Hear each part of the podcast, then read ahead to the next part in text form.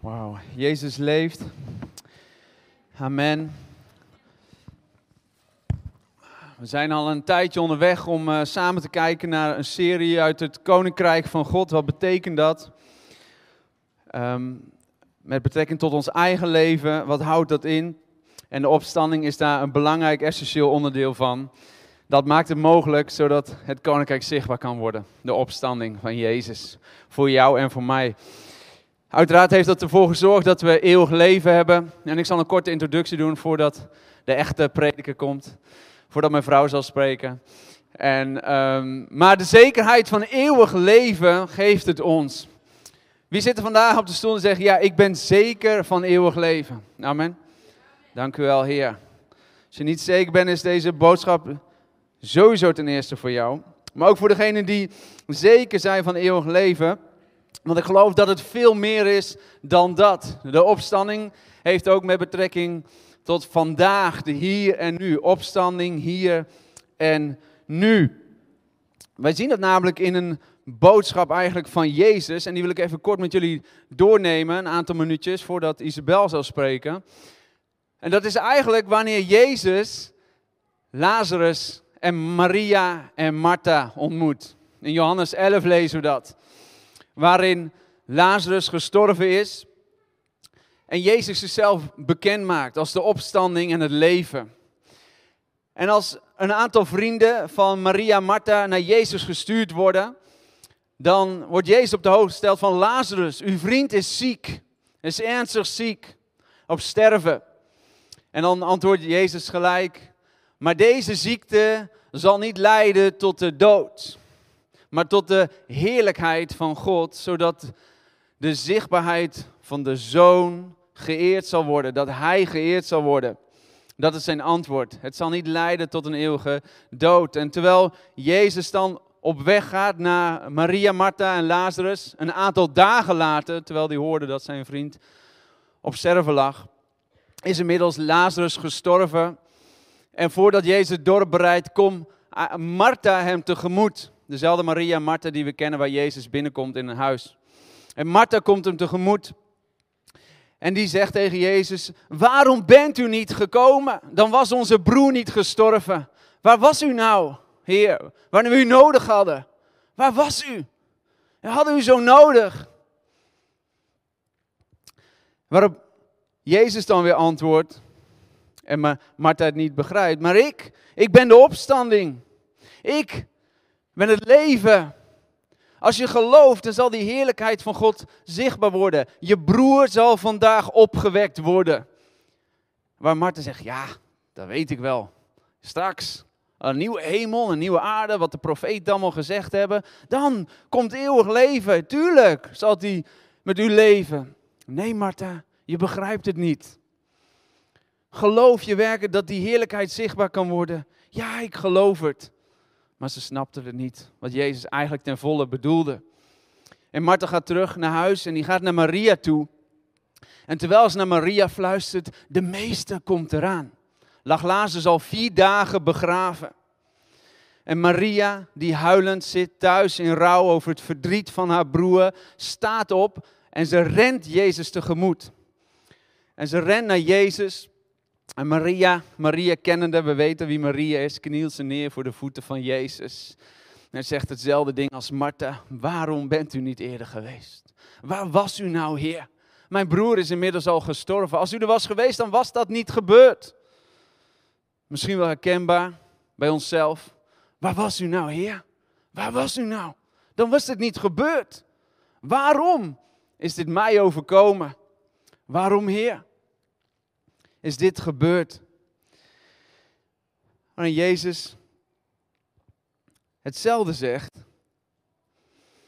En het mooiste, als Maria in tranen is, haalt Jezus met haar. Johannes 11, vers 35. Jezus weende met Maria.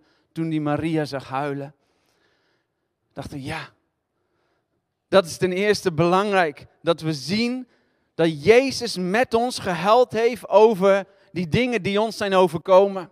Die ons pijn en verdriet doen. Ook al denken hij was er niet, hij was er wel. En hij huilde met jou. Laat dat ten eerste gezegd zijn, voordat we die opstanding gaan zien en naar luisteren. Hij huilde met de mensen over jouw verdriet. Een ontmoeting met Jezus.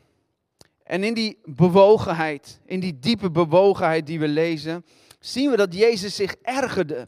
Hij frustreerde zich. In een andere vertaling zie je dat er een woede is over de macht van de dood.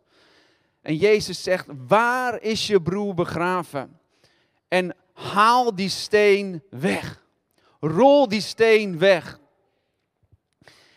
Maar Martha schiet gelijk in de stress. En die zegt, nee, het stinkt. Al vier dagen begraven. Het stinkt, niet doen. Martha, ik heb je toch gezegd dat als je gelooft, de heerlijkheid van God vandaag zichtbaar zal worden.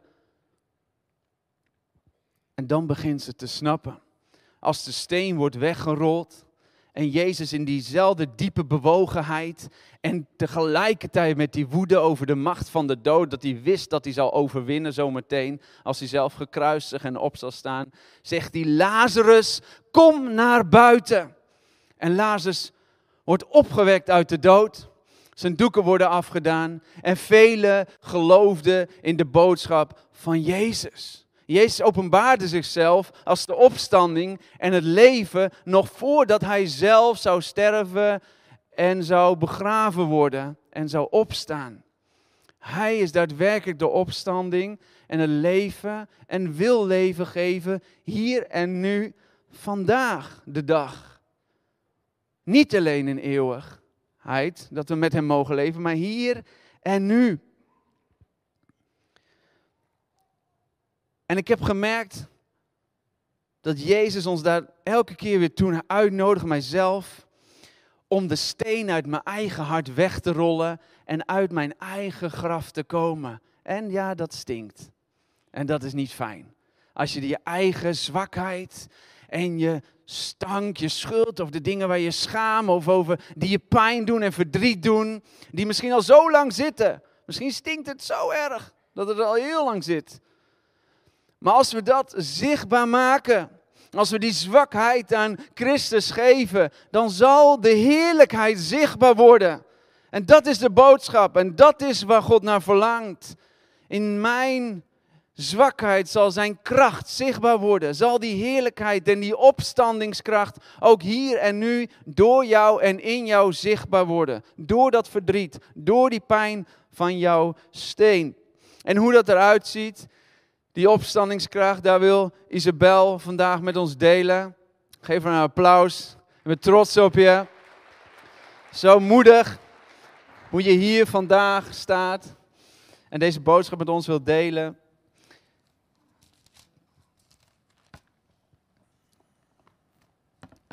Ik wil in ieder geval zeggen dat ik trots op je ben. Heel moedig. Ah, nou, zet hem op. Nou, ik wil eigenlijk niet een nieuwe boodschap. Ik wil gewoon verder gaan en wat uh, Robert deelde met ons over die opstandingskracht voor ons vandaag. En ik vind het zo mooi in uh, Romeinen 8, versen 11 tot 17 legt Paulus ons dat heel mooi uit.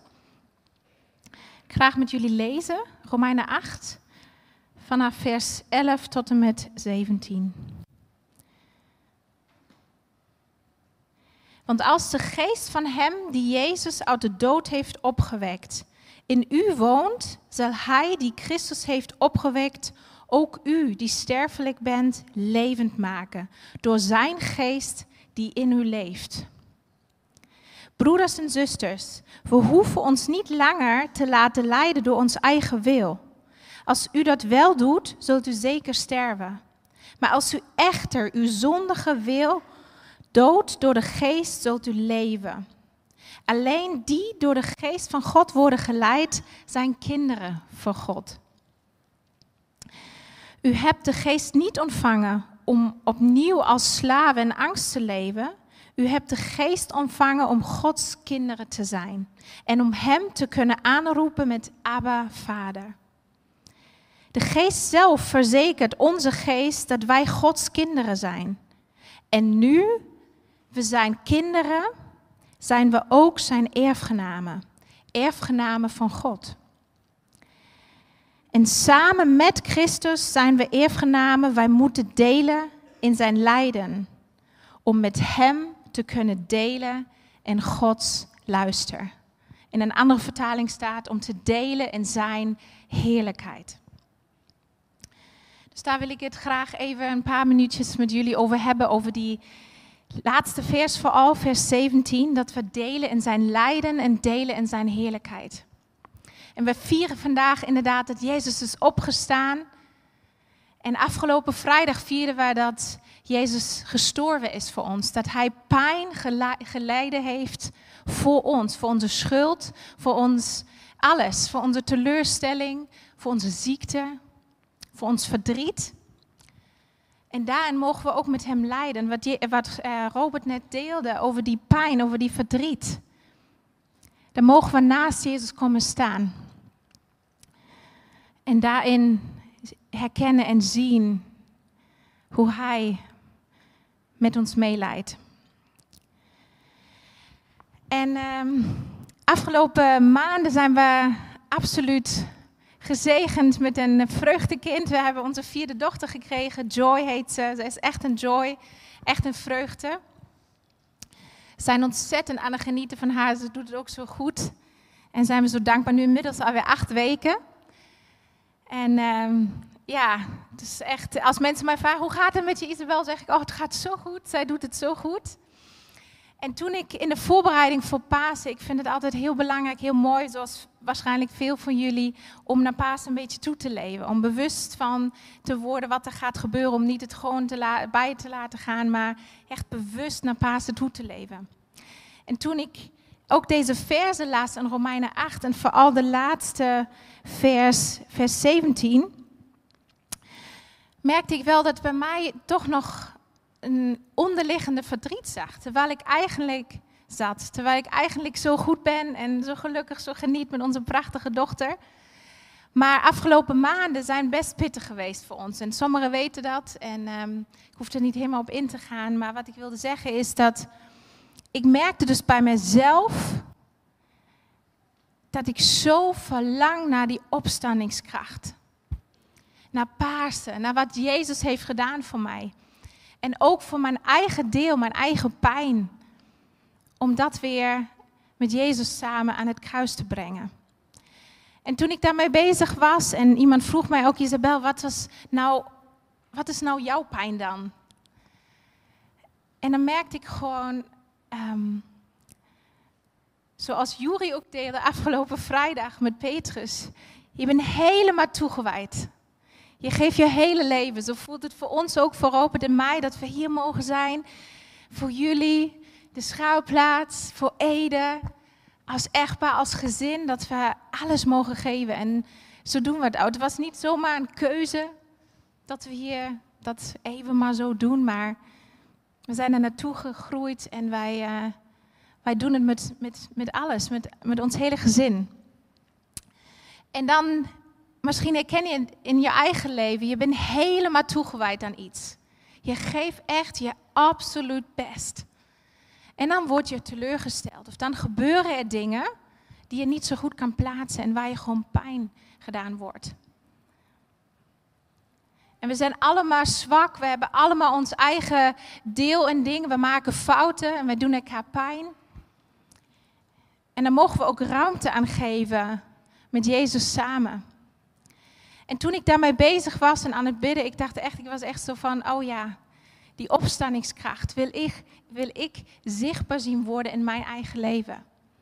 Om die onderliggende verdriet of pijn die er toch nog zit, om die met Jezus samen aan het kruis te brengen.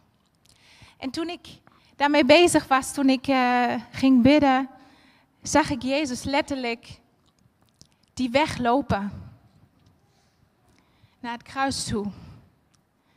En die uitnodiging om met hem samen naar het kruis toe te gaan. En het is voor ieder, ziet het er anders uit en ieder heeft een ander verhaal. Het is een ander stukje, het is misschien een teleurstelling, het is misschien jouw ziekte waar je niet begrijpt, ook wat Robert zegt, maar waarom heeft u niet ingegrepen? Maar er is een uitnodiging van Jezus vandaag voor ons allemaal om zijn hand vast te pakken en om met hem die weg te gaan. En voor sommigen is het misschien een hele lange weg, voor sommigen is het een korte weg, maar Jezus loopt naast je. Zoals we gezongen hebben, hij laat jou niet los. En misschien heb je een geliefde verloren. Misschien heb je, heb je die baan niet gekregen die je zo graag wilde, maar hij laat je niet los. Hij wil met jou samen naar het kruis gaan. Dat is die uitnodiging voor deze ochtend van Paulus, die zegt in Romeinen 8, vers 17, we mogen delen in zijn lijden. Hoe we lezen in Johannes dat hij weende met Maria. En dan dus mogen we samen naar het kruis gaan. Maar als we naar de vers kijken in Romeinen 8, dan is dat niet de volledige belofte die Paulus hier beschrijft. Want het tweede deel van de vers zegt, zoals we delen in zijn lijden, mogen we delen in zijn heerlijkheid. Delen in Gods luister. En dat is die tweede belofte, want na het kruis ging Jezus naar het graf. En zo ook toen ik bezig was met Jezus samen daar, stelde ik me voor hoe ik met Jezus samen vanuit het, vanaf het, kruis naar het graf ging. In mijn pijn en mijn verdriet en mijn teleurstelling mocht begraven met Hem. En ook dat, die, deze uitnodiging is ook voor jullie deze ochtend. Dat wat het ook is wat je nog terughoudt om in die vreugde, om in die opstandingskracht te leven van dag tot dag, mag je die stap verder gaan. En niet bij het kruis blijven, zoals de enge zei tegen de vrouwen die weenden, maar wie zoeken jullie? Maar je mag naar het graf gaan en het begraven. Het is klaar. En toen ik dat deed, merkte ik dat ik, ja, dat ik vrijgezet werd. Dat ik die onderliggende verdriet, die pijn die ik toch ervoer, dat ik dat mocht loslaten. Dat ik opnieuw mocht vergeven. Mezelf en de mensen die me pijn gedaan hebben. En dat ik deze vrijheid voelde, weer opnieuw deze vreugde. En dat is wat Jezus heeft voor ons allemaal. Hij gaat met ons samen die weg naar het kruis. Hij loopt met ons samen die weg. Hij weent met ons, hij lijdt met ons. En dan mogen we het samen met hem begraven. En daarvoor hebben we zo die kracht van de Heilige Geest nodig. Wat we hier ook lezen. Dat als we die keuze maken voor Jezus, komt de Heilige Geest in ons. Die kracht is in ons. En die maakt het mogelijk dat wij alles mogen begraven.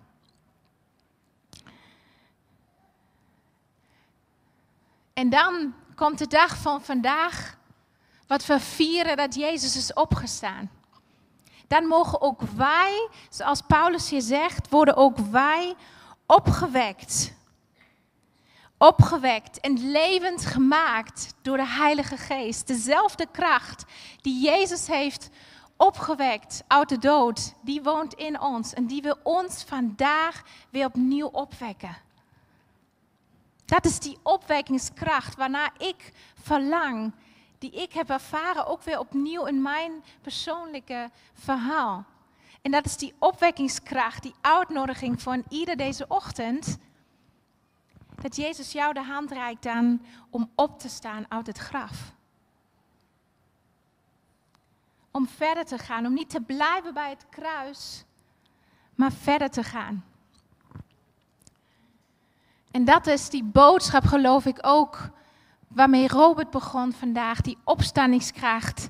Niet alleen straks, maar ook vandaag. Voor jullie, voor ons, voor mij. Dat wat er ook is gebeurd, we mogen die weg samen met Hem lopen. En we mogen opstaan.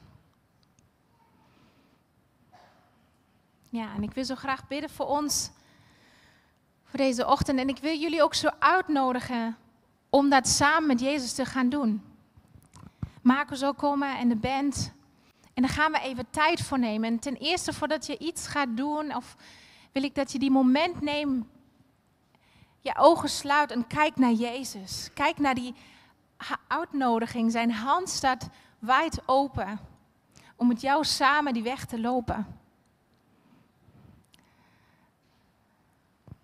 Ja, Jezus, ik dank u zozeer dat we vandaag vieren dat u heeft de dood overwonnen. In u hebben we eeuwig leven. U bent opgewekt uit het graf. U bent opgestaan van de dood. En deze kracht is voor vandaag, is voor ons. U bent gekomen wonen in ons, Jezus. En ik dank u zozeer dat wij vandaag weer opnieuw mogen beseffen dat u ons uitnodigt om deze opwekkingskracht vandaag te ervaren in ons eigen leven. Dus helpt u ons, helpt u in ieder van ons, waar er nog dingen zitten die begraven moeten worden. Waar er nog dingen zijn waar we samen met u mogen wandelen naar het kruis. En waar we samen met u mogen opstaan voor die leven. Dat die zichtbaar wordt in ons en door ons heen, Heer. En dat is uw bestemming voor ons. Wij zijn uw kinderen, bestemd om te leven, bestemd om te erven en te delen, zoals we delen in uw pijn, ook in uw heerlijkheid, Heer.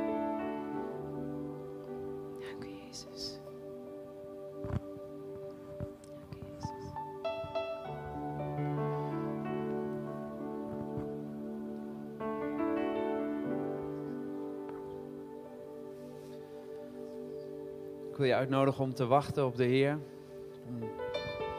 Tot jezelf te laten spreken wat jouw steen is. Die je mag wegrollen en mag begraven. laat God tot jezelf spreken op dit moment. Als we een moment nemen van stilte. Zodat de opwekking zichtbaar mag worden.